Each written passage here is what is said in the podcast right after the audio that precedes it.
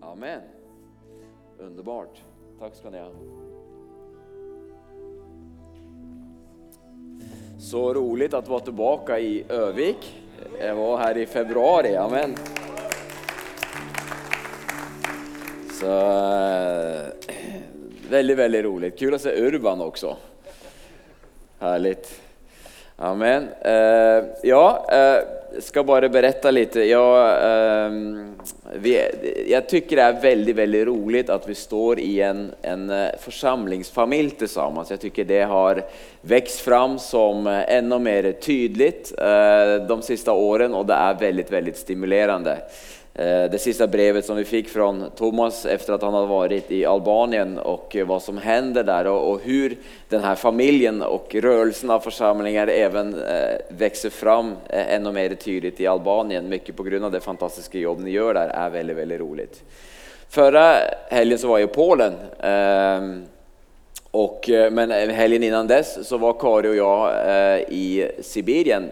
Vi flyttade ju ut som missionärer till Sibirien i 1992 och bodde de första fyra åren av vårt äktenskap bodde vi i Irkutsk i östra Sibirien.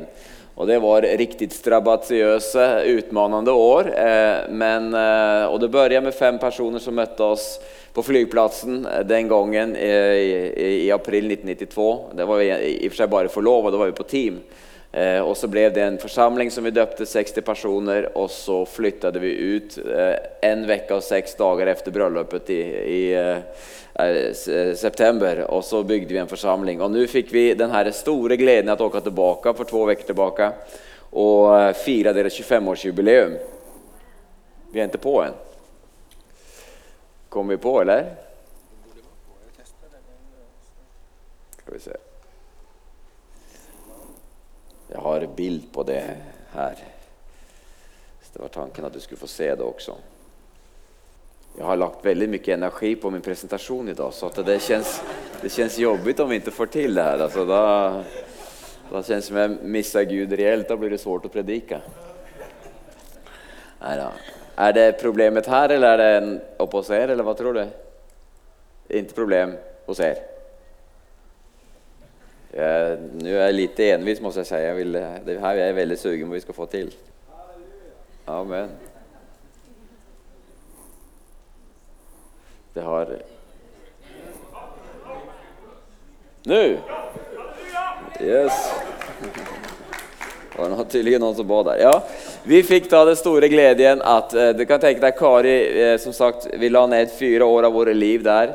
Eh, fyra väldigt definierande, formerande år våran, för del måste jag säga. Det är en av de första fyra åren av vårt äktenskap och också fyra väldigt tidiga år i min vandring med Herren. Eh, og det var fantastiskt roligt att komma tillbaka. För Karis del så var det første gang på 21 år at hun kom tilbake til Irkutsk og fikk se forsamlingen. Og det var veldig, veldig betjenende. Du vet når, når, när du har fått barn så er det, når barnen er tonåringer, så er du ibland litt nervøs for åt hvilket håll det går och eh, du er ikke alltid, alltid like trygg på de reaksjonene og de, den utviklingen du ser i alle lägen hos dine tonåringar. Så har det vært lite med denne forsamlingen også. Men nå kom vi og så så vi en veldig sunn, fin forsamling. och det var väldigt, väldigt roligt.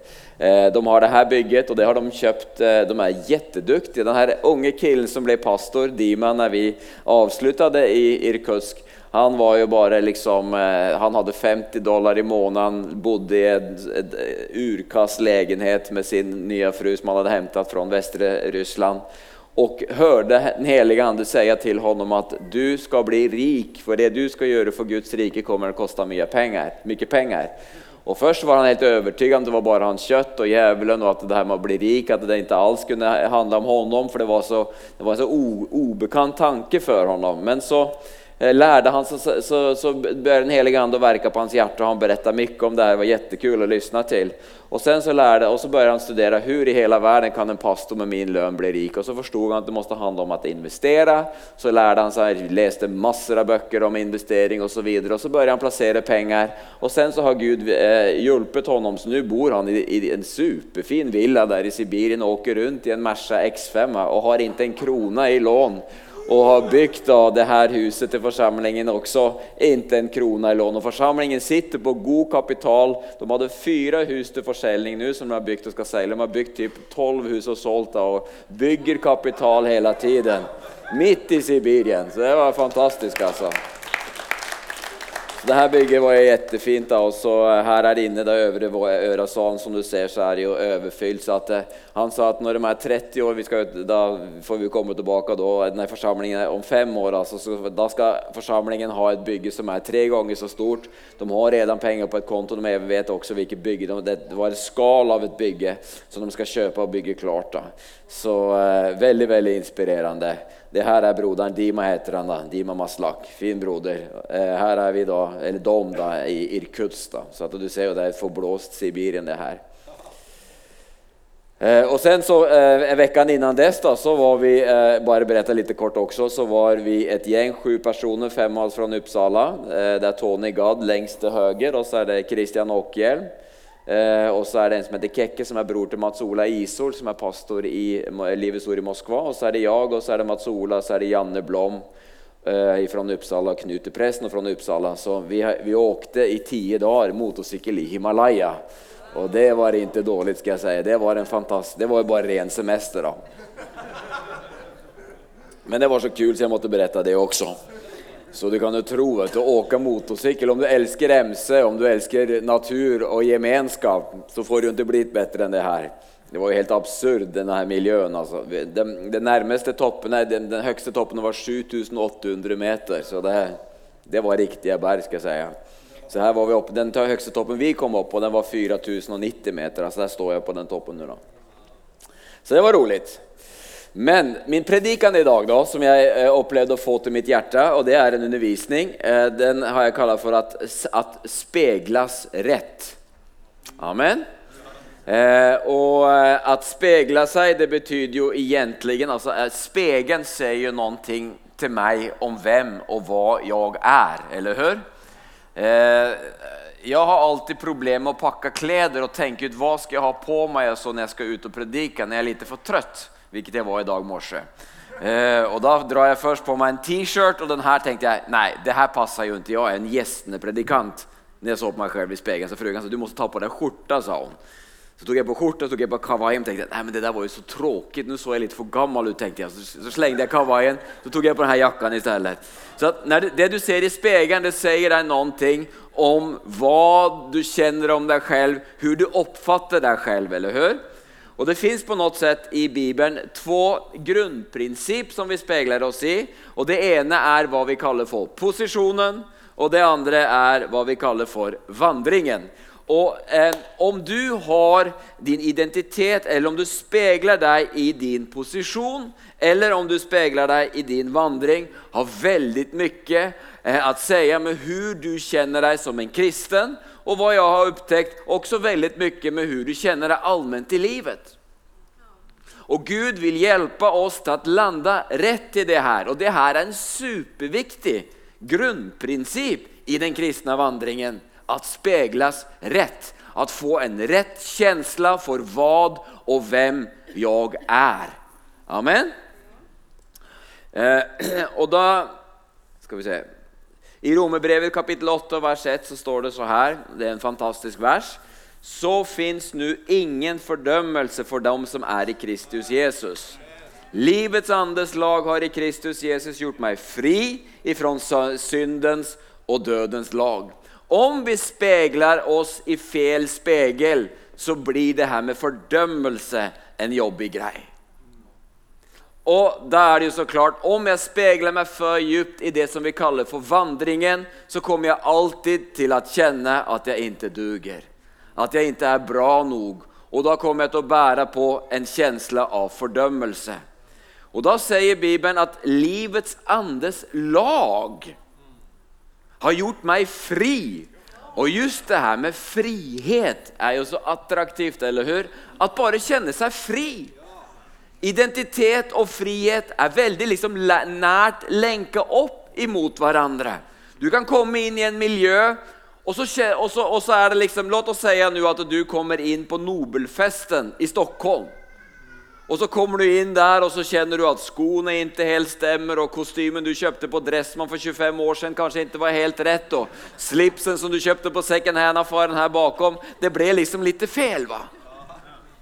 Och da kan du antingen være fri og da bryr du deg ikke så mye. Og da kan du kolla på kostymen til, til Carl Gustav og de andre og se at den der kosta sikkert 15 000 spenn. Var løyelig å legge 15 000 kroner på en kostym som du anvender en gang om året. Og så er du en fri menneske. Men så kan det være helt motsatt. Du kjenner deg som verdens løyligste individ. Du ønsker bare at det fantes et hål i golvet og at du forsvant därifrån. Då kjenner du fordømmelse. Da er du inte en fri människa. Og det har veldig mye med hva du kjenner, hvilken identitet du går og bærer på. Amen. Og så kan det være i det kristne livet også. Den kristne friheten er så attraktiv. Og det er hva Jesus har givet åt oss. Men veldig ofte så kjemper vi med denne kjenslen av at ikke duga. det ikke var bra nog. Att vi speglar oss i någonting som berättar för mig att den här kostymen, den är riktigt gammal. Det här var inte bra nog. Och då min vän, då speglar du dig i fel spegel. Da går du og bærer på en litt sånn sned identitet. Og da vil Gud hjelpe deg med det.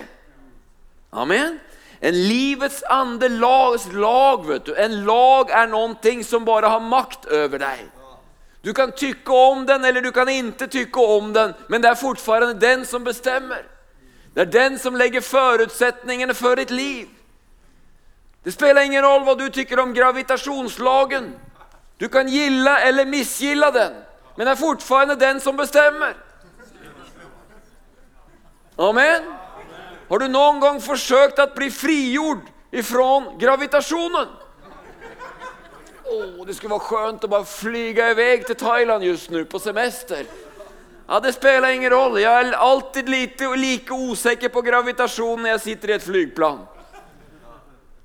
Hur funkar det här egentligen? Hur kan här metallklossen vara kvar i luften? Jag känner mig alltid osäker på det. Jag bor ju nästan i flygplan. Men jag känner mig fortfarande osäker på det. Och da fins det en frihetens, en livets andes lag som har frigjort meg fra synden og dødens lag. Amen. Ja, du kan gi Gud en applaus for det. Det fins altså en synden og dødens lag som har forankret meg i noe negativt. Och den synden drog meg alltid ut i det som liksom begärde, begjærelsene styrde meg, styrde meg efter. Og der var det dom, der var det virkelig en fordømmelse. Der duger jeg inte i møtet med Gud. Men nå finnes det en ny lag som råder. Og antingen du tykker om det eller ikke, så definerer den ditt liv i dag. Amen. Du vet at jeg har et norskt pass. Hvorfor? For jeg er født norrman. Och da er det på noe sett lagar som styr det. Jeg får till ikke røste i det svenske riksdagsvalet. Det spiller ingen roll hvor mye jeg skulle ville hjelpe et visst parti. Det hjelper ikke. Jeg har bare ingen rettigheter i forhold til det. Hvorfor? For jeg har ikke svensk pass. Jeg er etter fødsel nordmann, og jeg er så envis at jeg beholder det norske passet. Jag sa til Carl Gustav en gang at om det skulle vise seg at det norske langrennslaget, lengdeåkningslaget, doper seg, så skal jeg bytte inn mitt norske pass mot svensk på en gang, sa jeg. Och sen så har det en lite krånglig historia efter det. Alltså Carl, Gustav, Carl Gustav tycker inte att jag hållit mitt ord där, men, eh, men jag tycker liksom inte riktigt att det där är doping. Så att, eh, jag behåller mitt norske pass lite till. Amen. Och Da er det så viktig å forstå at jeg er satt inn i et nytt rike på at jag har blitt født på nytt. Og i det riket så fins et annet lag som råder og den lagen har satt meg fri. Amen. Det er ikke alltid at jeg kjenner meg fri og jeg skal love deg en sak, det er ikke alltid at jeg kjenner meg norsk heller. Igår så hadde vi herlig gemenskap hjemme hos oss. Eh, vi hadde to par på besøk, og vi var fire nordmenn og to svensker. Og tror du ikke at denne svenske kulturimperialismen gjør at vi nordmenn sitter og prater svensk? Den här ena svenske tjejen hon har växt upp, hon har bott 15 år i Norge, jobbat i Norge, i Bergen, norske vestkysten der. Og, og, og kan norsk perfekt.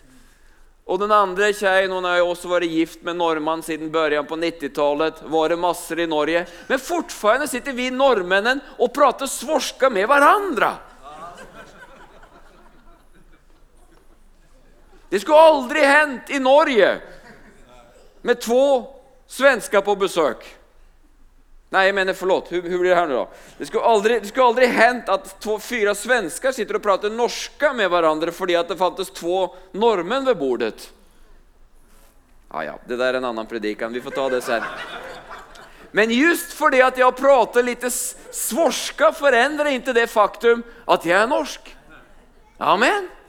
Så det er ikke alltid at vi kjenner oss ut ur den naturen och den identiteten vi har efter födseln. Och det är inte ens alltid att vi agerar enligt det, men det förändrar inte min identitet. Det forandrer ikke det faktum at jeg er norsk med alt hva jeg har og har alle rettigheter som en nordmann har.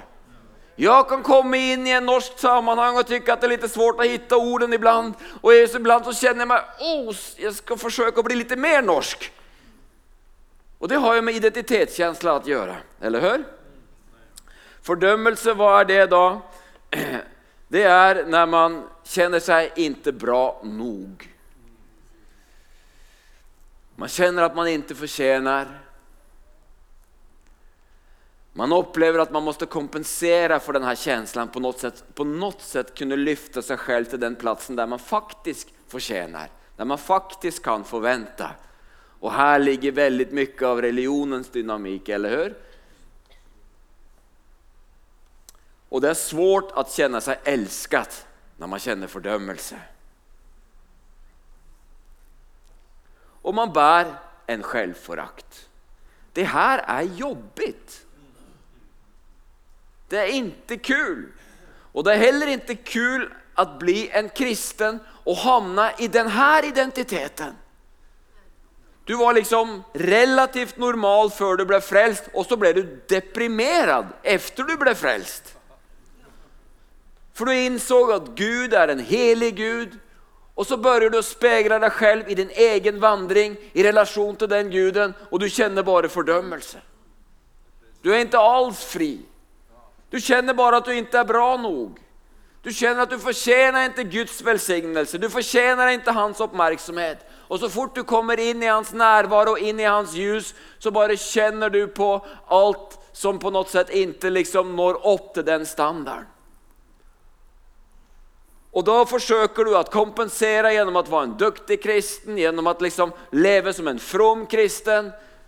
Og det er jo ikke roligt. Och så har du väldigt svårt för att känna att Gud älskar dig. Väldigt svårt att bara ta emot den kärleken. Och det finns en smärta, en tomhet, en saknad i livet som på något sätt är kärnan av vad du har fått när du blev frälst. Och det går inte att spegla sig i den, här och samtidigt kunna leva i Guds nåd och kunna leva i Guds kärlek. Och därför så måste vi förankras i en annan bild. Vi är befriade från fördömelse, eller hur?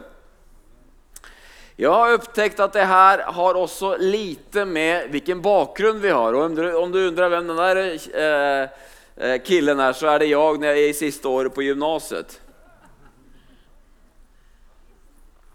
Och varför drar jag in det här? Jo, för det här har liksom varit lite av den personliga kampen jag själv har haft genom åren.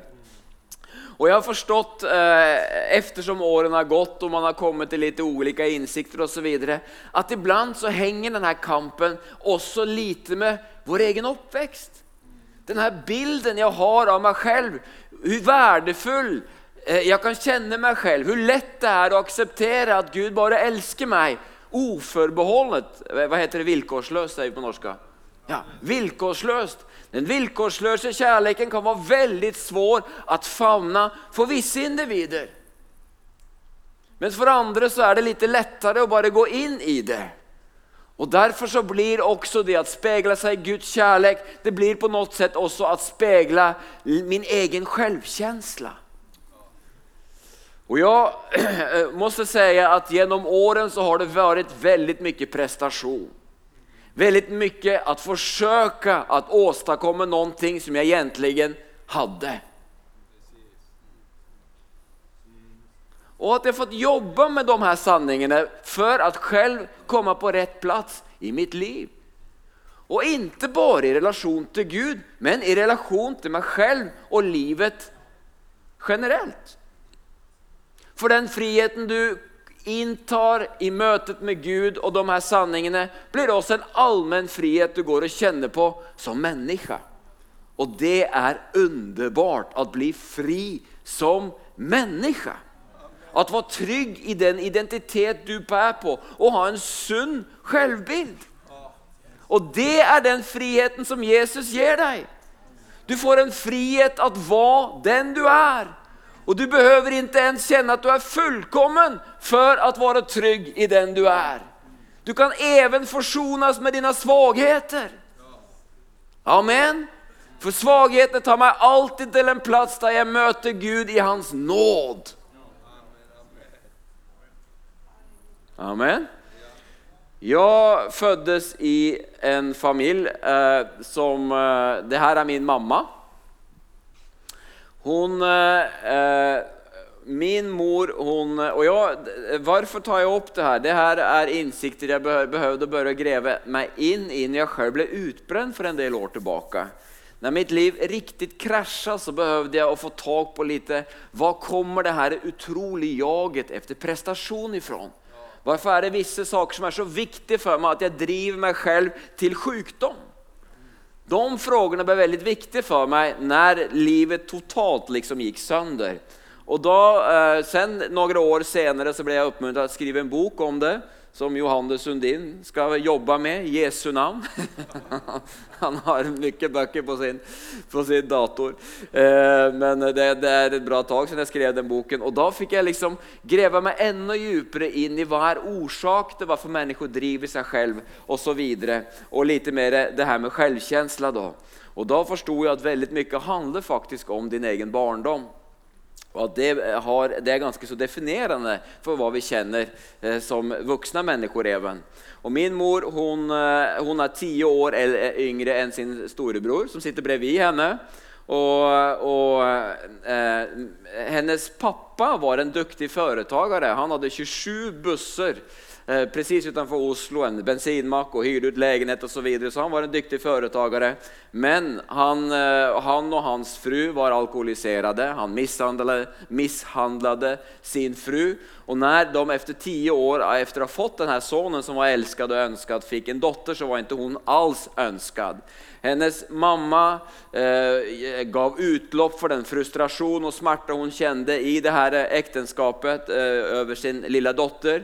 Och datteren hadde det absolut ikke rett. Hun ble innestengt, mørkt, alene inne på kott osv. Och eh, tyckte det var jobbigt å leve i denne familien. Så når hun ble tonåring och eh, 18 år så hadde hun en strategi for å komme seg ut ur hemmet. Hun ville bli gravid. Og da møtte hun på en, en, eh, en, en ung, se ut, vad heter det, dimma sier vi, en soldat som avslutter lumpen, Hva blir han? Han dimitterer, sier vi på norska. Mucka, ja, en nyutmukkad soldat fra mittre Norge eh, som hun ble, ble, kjent med og de var på telttur, og der ble jeg til. da, i, eh, i skogen på en telttur. 18-årig tjej som bare ville ut og ha det her som en strategi for å komme ut ur hemmet. Nu, den her eh, killen som hun eh, eh då, Eh, blev gravid med, han kom også fra en ikke fungerende familie lenger norr i Norge og han ville også bort ifrån det her. Men han hadde vokst opp med en pappa som absolutt ikke hadde bekreftet honom. Så när hun hon var blivit gravid de bestämde sig för att gifta sig, vilket man behövde göra på den tiden. Istället för att han tog då sin fru och sin kommande barn ut och liksom etablerade ett eget hem så hade inte han den här, själv, eh, eller det här det. Han heller bara flytta in i hemmet där och började jobba på bensinmacken till sin svärfar då. Så det blev inte alls vad min morsa hade tänkt sig. Så i tre år så bodde jag i den här situationen av misshandel, av oro och även av en pappa som inte alls levde så som man ska leva i ett äktenskap på något sätt. Så det var väldigt mycket stress, det var väldigt mycket depression. Och jag blev ett oroligt barn eh, som eh, bland annat eh, behövde bindas med seletøy til madrassen i sengen for at jeg överhuvudtaget kunne legge meg og sove normalt på kveldene. Så min mor berättade at ved något tillfälle när hon kom så var jeg borta även jeg var bundet i, i sengen. Men det var for at jeg hadde vridd meg rundt og lå på magen på plankene med madrassen på ryggen och bundet til madrassen. Så jeg var et urolig lite barn. Og den här känslan av oron, känslan av att på något sätt inte höra hemma, det här följde mig. Vi flyttade ju hela gänget till ett nytt hus, att det var liksom alkohol och det var mycket oro, en frånvarande farsa tills skilsmässan då någonstans i tonåren. Min bror blev narkoman och kriminell och jag blev en orolig, osäker kille kan man säga. Så denne osäkerheten har jag på något sätt burit med mig in i det kristna livet också. Och det har varit en utmaning att på något sätt bara kunna acceptera att Gud älskar mig villkorslöst. villkorslöst. Förstår du? Att jag behöver liksom inte åstadkomma någonting eller producera någonting för att ta emot den kärleken. Det har varit en utmanande kamp för mig. Och det var det så viktig for meg at greve meg inn i djupet av den identitet som da vi egentligen har i Kristus. For det er i den spegelen jeg hittar mitt sanna i dag. Og alt hva som er sant om Jesus, det er sant om meg. Det står i skriften at 'jeg har blivit frikjøpt' från det tomme livet som jeg har ärvt av mine fäder. Och du vet at vi alle bærer med oss en arv ifrån våre fedre. Tenk på, Petrus.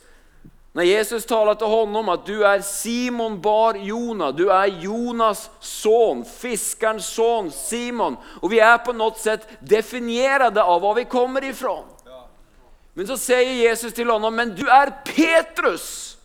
Det fanns en åpenbarelse som forvandlet Petrus, Simon til å bli Petrus, en klippe Gud kunne bygge sitt rike på. Og det fins en åpenbarelse som tar og liksom rykker oss ut ur vår bakgrunn, og hvor den har definert oss og setter røttene inn i noe annet. Som grunnfester og rotfester oss i Guds kjærlighet i stedet. Og så får vi en känsla utifrån Guds kjærlighet at vi er verdifulle. At vi betyder noe for Faderen själv. Du vet at det fins noe underbart vackert i kjærligheten, og hva er det? Den bekrefter oss. Når du ser, når du er forelska, og du ser på den du er forelska i, så kjenner den personen som, som ser seg selv i dina øyne det fins jo ikke noe mer underbart og viktigere for den individen enn just jeg. Amen. Och det er det som er så fantastisk når man har barn, man er så stolt av disse barnen. Jeg kommer fortfarande ihåg når min eldste son gikk for første gangen. Hvor stolt jeg var. Jeg satt i en legenhet i Sibirien. Kommer ihåg hva han hadde på seg for noen kläder Og jeg satt på golvet vid av veggen, og så satt min fru ved andre veggen. Det var ingen møbler i en legenhet, for de hadde precis bygd den. De hadde inne penger til, til møbler, men vi var glada. Og så kommer jeg ihåg hur de slapp pojken och så sprang han lykkelig imot meg og inn i mine armer. Og jeg var jo så lykkelig! Jeg kommer ihåg når de fikk tender. Jeg kommer ihåg hvor han bajsade i pottan for første gang. Og vet du, vi filmet hele proceduren til at frun lyfte honom bort ifrån pottan og jeg filmet bajset. Vem i hela verden filmar bajset? Men vi var jo så stolte! Alla bajsar.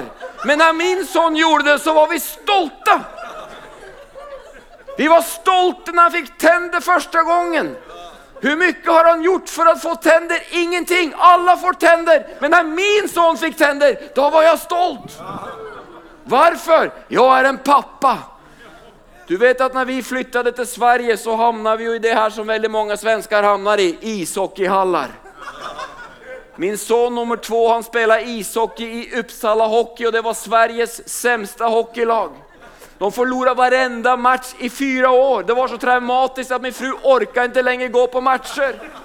Ja, vi slutade att be för hockeymatcher, vi förstod att de bönerna fungerar inte. Men vet du hva? Min son var, var målvakt, vet du. og jeg satt ved, ved, ved, ved liksom sargen. Og så, og så Vi foreldre måtte jo hjelpe til, og min oppgift var å skrive statistikken. Og Da fikk jeg regna hvor mange skott var det på den målvakten. Jo, typ fem-seks skott. Og hvor mange skott var det på den målvakten, min sønn? 130 skott! Det var jo bare et vilt slagsmål. For det, hans grabbar de holdt typ en halv periode, og så orka de ikke mer. Så da var det liksom det laget imot min sønn. Det var et vilt slagsmål. Men vet du hva? Min sønn hadde ingen kjensle av at var en dårlig målvakt. For det var aldri noe tema hvor mange mål han slapp inn. Det var bare tema hvor mange mål redda du? Det finnes Amen. Og etter varje match så visste han i dag redda jeg 80 skott! At han slapp inn 40, det prata vi aldri om. Det fanns ikke en målvakt i Sverige som har redda så mange skott som deg! Og han elska det! Jeg bare peppa honom. Du vet, jeg, bare, jeg forsøkte å dra noen form av selvfortroende. Som, du vet, det er jobbig å se sin sønn forlore. I fire år! Min fru ringde. Vet du. Jag kommer ihåg jag satt där och, och förde statistik i, i hockeyhallen i, i, i Gränby, Uppsala. Och min fru ringde. Hur går det? Jag bara, och hon bara nej. Och så fick hon bara lägga på. Hon tyckte det var så superjobbigt. Men vi bare pratet om redningsprosent. Vet. Vi bare gikk for redningsprosent 80. De beste målvaktene i Sverige de redder 80% av alle skotten. Og du ligger på 80. Du er den beste målvakten i Uppsala. Han trodde virkelig at han var Uppsalas beste målvakt. Han har aldri hatt en kjensle av at de har vært forlorere. Hvorfor? Farsan var stolt! Og det gjør noe med en selvbild. Amen. En pappa som elsker sitt barn, har en utrolig formåga att bygge noe av en, en god selvinnsikt, en trygghetsbas, en bra, sunn, stabil identitet i den sønnen. Amen. Og nå er det så at ikke alle pappaer har vært så veldig nærværende og gitt sine barn den kjærligheten og den oppmerksomheten. Men da fins det en pappa i himmelen som kan kompensere for det og endre på det programmet i sjelen. Amen. Och personligen så är min erfarenhet att det finns inget vackrare än det. Var ordets görare, Jakobs brev kapittel 1, vers 24. Var ordets, vers 24, nå leser 22 da, men. Var ordets görare, inte bara dess hörare, annars bedrar ni er själva. Om någon är ordets hörare men inte dess görare liknar en man som ser sitt ansikte i en spegel. När han har sett sig själv och gått sin väg glömmer han genast hur han såg ut. Den som däremot blickar in i frihetens fullkomliga lag. Det är så fantastiskt. Vet Frihetens fullkomliga lag. Det er liksom en lag som er definierende, som har makten over deg, og den hetes frihetens fullkomlige lag. Det er den lag som, som på noe sett dominerer i ditt liv i dag. Og blir kvar i den, ikke som en glömsk hørere, uten som en virkelig gjørere. Han blir salig i det han gjør. Så det fins altså et sett å speile seg i den rette lagen. Speile seg i den rette informasjonen, og det heter i Kristus. Amen. Og Derfor så er det så at du og jeg, våre liv, vi er dolda i Kristus i dag. Og vi måtte forstå at hvem og hva vi er, det er liksom kommer ut ifrån hans identitet. Og det er liksom ikke mytologi, det er virkelighet. Ni har jo dødt, og et liv er dolt med Kristus i Gud. Eller, och nu lever inte längre jag, utan Kristus lever i mig. Och det liv jag nu lever i min kropp, det lever jag i tron på Guds son som har älskat mig och utgett sig för mig. Amen. Att man, man på något sätt hittar sitt liv i Kristus, där ligger friheten. Derfor bøyer jeg mine kned, Efesierbrevet kapittel 3, vers 14. Derfor bøyer jeg mine kned innenfor Faderen, han fra hvilket alt som kalles far i himmelen og på jorden har sitt namn. Jag ber att han i sin härlighets rikedom ska ge kraft och styrka åt er inre människa genom sin ande. Att Kristus genom tron ska bo i era hjärtan och att ni ska bli rotade och grundade i kärleken. Då ska ni tillsammans med alla de heliga kunna fatta bredden och längden och höjden och djupet och lära känna Kristi kärlek som går långt bortom all kunskap. Så ska ni bli helt uppfyllda av Guds fullhet. Det handler om at Gud gir oss en styrke gjennom sin rikedom at med kraft, så at, eh, at styrkes i vårt indre menneske, at Kristus ved troen kan bo i vårt hjerte. Amen. At forsoningsverkets sanninger, på nyttfødelsen og hvem jeg er i Kristus i dag, ved troen bor i mitt hjärta. Troen er noe virkelig. Det er en fast, stabil indre grunn. Det er en indre, djup overtygelse som blir definerende for hvordan vi agerer i livet. Det blir definerende for hvordan du møter andre mennesker, hvordan du møter andre situasjoner, fordi at det fins en trygg, kraftfull bas som ikke er forankret i hva du kommer ifrån, inte förankrad i, eh, i alla misslyckanden du upplever, men förankrad i det faktum att du är ett Guds barn, att du är rättfärdig och att du är i Kristus. Att bygga tro det är att ta till sig rätt undervisning och, och rätt bibelord, eller hur? Det står i Hebreerbrevet kapitel 10, vers 14, just det här med att vi är i Kristus att med ett enda offer har han för alltid fullkomnat dem som helgas.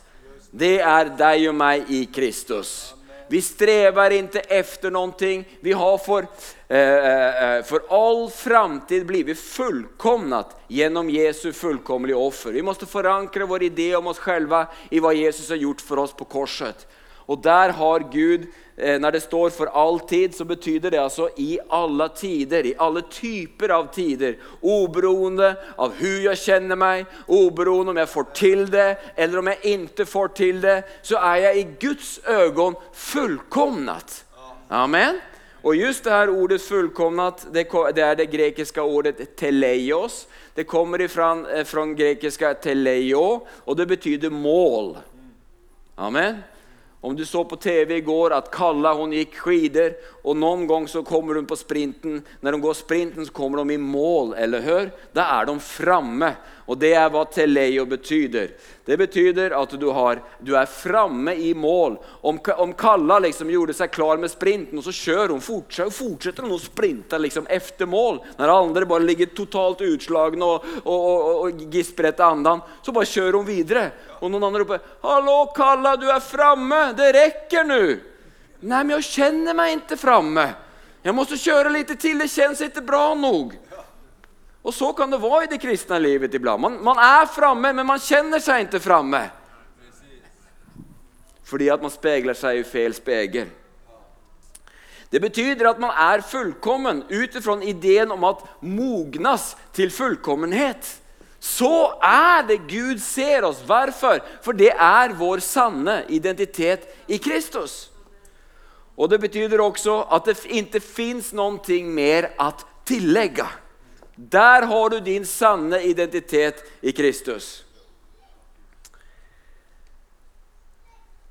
Han har utvalgt oss i honom före världens skapelse för att eh, vara heliga och fläckfria inför honom. Jag har tänkt mycket på det här ordet att vara fläckfri.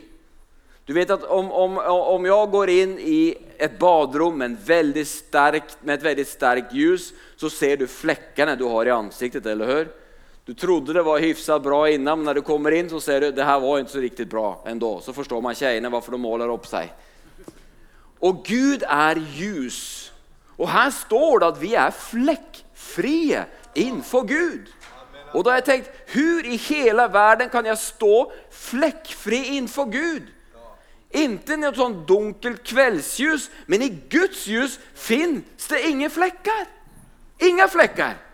Kommer jag någon gång att åstadkomma det själv?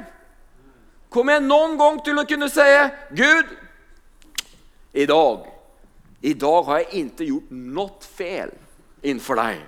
Nu är jag fläckfri. Och Gud säger, åh du var duktig! Kommer den dagen någon gång att komma? Nej, det er klart at det ikke kommer. Flekkfrihet er en gåva. Og så lenge du skal speile deg i din vandring så kommer du alltid å kjenne på at du bærer på flekker. Men om du speiler deg i din identitet i hvem du er i Kristus så kommer du å kjenne Wow! Han har valgt å gi meg sin rettferdighet, som ikke bygger på hva jeg får til, men som bygger på hva Jesus gjorde for mig. Amen. Det her er et papper. Om jeg skulle fråga deg hva er det? da skulle du sagt et hvitt papper, eller hør? Men om jeg skulle ta en penne og rite en flekk på det papperet så hadde ikke du lenger sett papperet, du hadde satt flekken. Og jeg hadde sagt, 'Hva ser du? Og da hadde du sagt, 'Jeg ser en flekk', hadde du sagt. En liten flekk tar det bort det faktum at papiret var vitt. Och så er det med synd. Det spiller ingen roll om jeg bare er så superfrom, Jeg har bare en liten synd. Ja, nei, da er du ikke lenger flekkfri.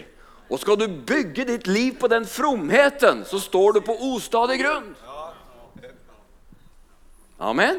Og faktum er at så ser du ut innenfor Gud. Det fins en hel masse flekker. Synd er nemlig veldig mycket okänd, vad vi inte vet någonting om. Varför? För synd handlar om Guds standard. Och han har förlåtit 99 procent av de synder som jag bär på kommer jag aldrig att inse.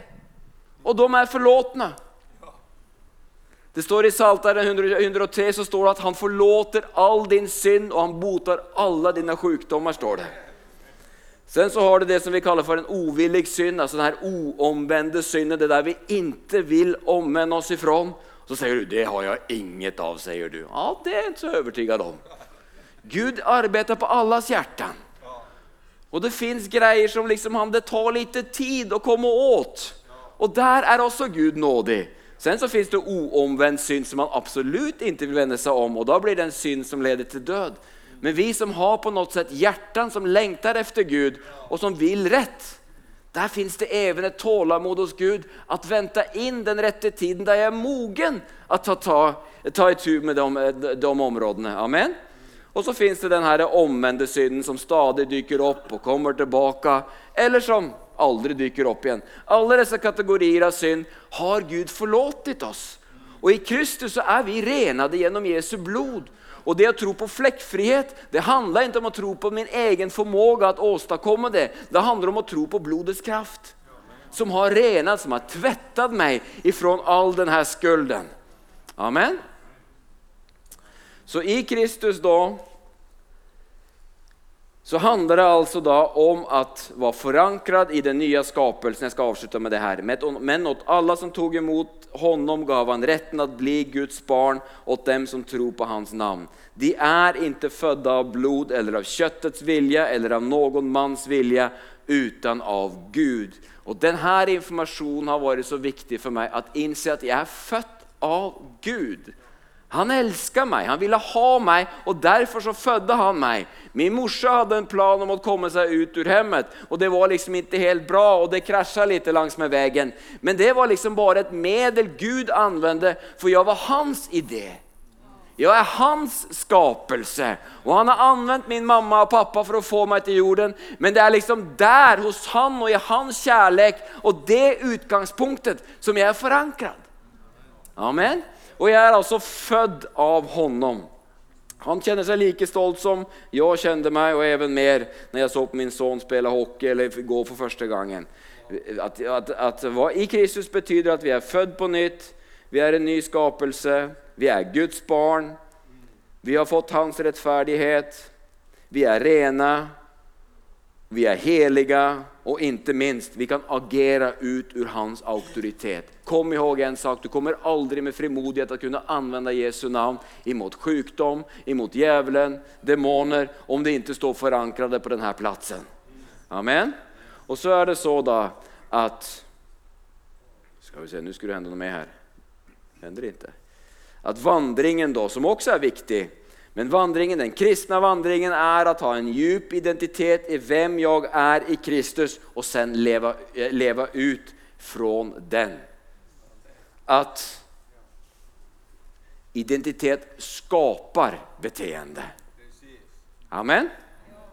Låt oss stå upp tillsammans.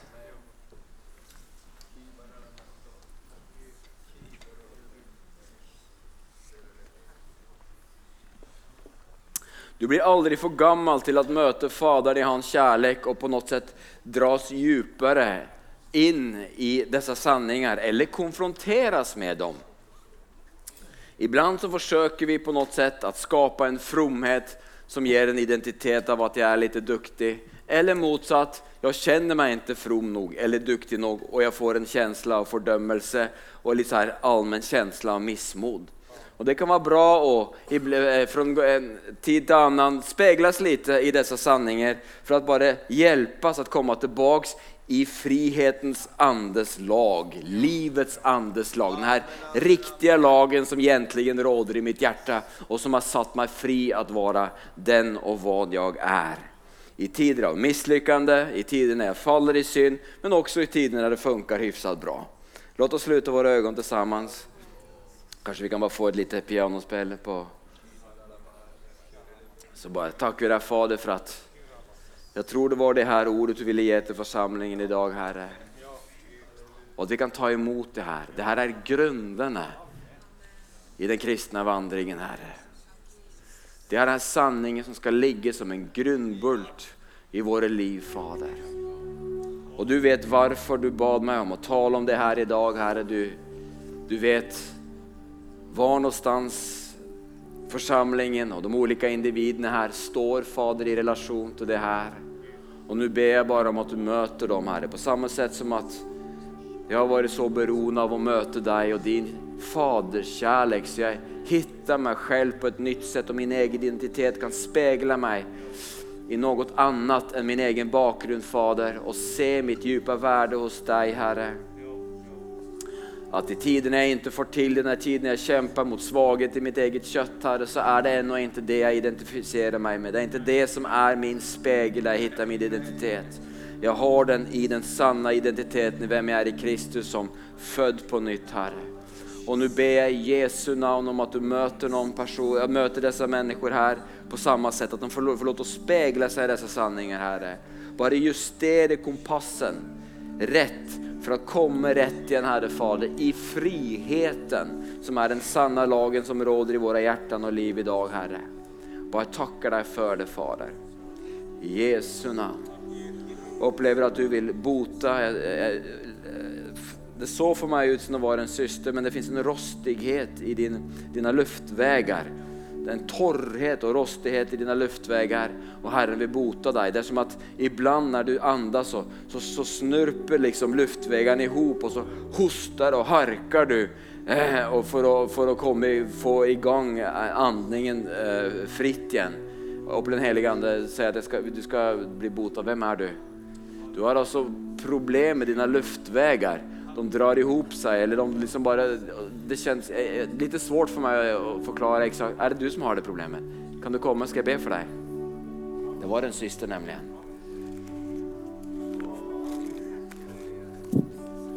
Hej, vad heter du? Veronica. Veronica. Du känner igen det jag pratar om? Ja, det. Vad är, vad är själva problemet då? Nej, det har bara varit ett par dagar nu. Ja, just det. Amen Så skal vi be for Veronica. Strekk ut dere hendene mot Veronica. Ibland Veronica når, når när den heliga Ande lyfter fram människor så vill han såklart bota dem. Men ofte så finns det någon annen agenda som Herren har også, som handler mer om et verk som han vill gjøre i en människas hjerte. Og jeg bare tror at Gud vil oppmuntre deg, säga noe til deg om att eh, han er din pappa, fader. jeg opplever han gir meg Sefania kapittel 3 og vers 17 der det står om at Gud er en mektig frelser i din mitte. Han frøydas over deg med jubel. Han stiller deg ned i sin kjærlighet. Og han gledes over deg med sånn. Det står litt olika i ulike översättningar men du skal, kan gå tilbake. Opplev virkelig at Gud vil at du skal se på Sefania 3.17 och lese inn hans kjærlighet til deg der i, disse, i denne vers. Så nå, Fader i Jesu navn, så takker vi deg for helandet til Veronica. Andas inn, du bare. Andas inn bare med, med din munn, bare i Jesu navn. Å, oh, Jesu Kristi Nazarerens namn. Var botad i dina luftvägar, var botad i dina luftvägar. Var botad i dina luftvägar nu i Jesu namn. Var botad i dina luftvägar nu i Jesu namn. I Jesu namn. I Jesu namn. Jesu namn. Åh Fader, tack för ditt helande. Ditt helande till Veronica. Andas in några gånger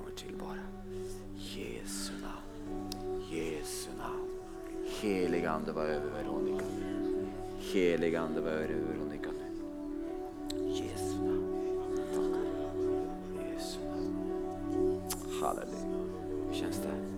Jättebra. Känns det jättebra? Andas, om du andas, känner du något skillnad i bröstet eller? Ja, jag har inte det slemmet liksom som jag har kraxat efter Nej, så hon säger, hon säger att slemmet är borta, det känns helt fantastiskt säger hon. Vad underbart Veronica, vad härligt. Amen. Den heliga ande viser mig, jag vet inte om det är dig Veronica eller om det är någon annan, men jag såg huden mellan stortån och tå nummer två eh, på ena foten. Det är någonting problem med huden, alltså mellan de två största tårna. Du har inte det problemet? nei. Så den heliga ande vill bota dig. Vem är du? Det är något problem med din hud mellan två av tårna. Den största och nummer två. Vem är du? Jag ska bara be för dig.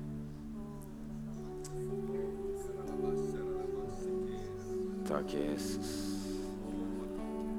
Jeg bruker å være rett trygg når jeg får sånne bilder så at eh, som oftast er det mennesker som står og trycker og holder tilbake. Og du kommer sikkert å komme fram etter møtet og prate med meg ennå. I, Moskva så var det en kvinne som kom seks måneder efteråt og spurte om det var fortfarande smörjelse til at hun kunne bli botad.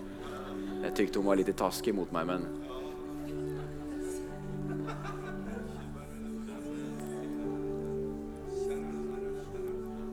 Okej, jag upplevde att eh, jag ska avsluta mötet om eh, tre minuter. Vi ska sluta klockan... Är det du som har problemet? Du var fel på tån ja, okej. det- det- Det var kanske åt vänster, alltså en annan. En, en annan plats då. Ja, vi ska be för dig då. Ibland så missar jag sådana saker. Jag förstår det. Vad heter du? Mattias, Mattias. Ha, ha, ha, ha.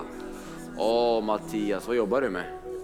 hos eh, Peter Olsson med Okej, okej. Så Fader i Jesu namn, det finns drömmar Mattias som Gud har lagt ned i ditt hjärta. Och han ska ge dig en tro, en förväntan på att du kan sträcka dig mot dessa drömmar. Att ingenting som har med vad du tror om dig själv eller känner om dig själv ska hålla dig tillbaka ifrån det som är den möjligheten som bor inom dig i Kristus. Det finns drömmar som Gud vill att du ska famna, våga se på och sträcka dig efter. Och när du ser att du är hans son och du ser det värde och den potential som bor inom dig utifrån den identiteten så kommer du frimodig att kunna sträcka dig längre. Så nu i Jesu namn Fader så bara tackar jag dig. Tackar dig Fader för att du botar Mattias, du rör vid hans hjärta, hans självbild hans självkänsla Fader och hans förankring i den kärlek du har till honom Fader. Det var i Jesu namn tackar dig för det. Amen. Amen. Amen. Bra. Jeg Jag tror vi tar det där ikväll istället. Men då syns ju många av oss klockan sex ikväll då. Var klockan sex uppe på Folkets hus, eller hur? Ja, vi överlåter till Thomas. Tack, tack så mycket. Wow, amen. Här var underbart. Och har du kommit hit och du önskar eh, förbön för att du vill ta emot Jesus och du känner bara det här som Rune har pratat om. Det, åh, jag, jag, jag har inte den här identiteten. Jag vet inte om jag är ett Guds barn. Jag vet inte. Jag för, och, och vet du inte så då bara ska du komma. För du kan gå härifrån med ett vittnesbörd om att jag är ett Guds barn. Jag är et barn till pappa Gud. Amen, jag är ett Guds barn. Så bara kom fram här när vi avslutar så ska vi be tillsammans. Eh, För det är det viktigaste som finns. Du kanske har gått många gånger i kyrkan, spelar ingen roll. Man kan ha gått nästan hela sitt liv utan att ha den här vissheten. Och idag tror jag Gud bara vill ge den här vissheten in i ditt hjärta. Amen.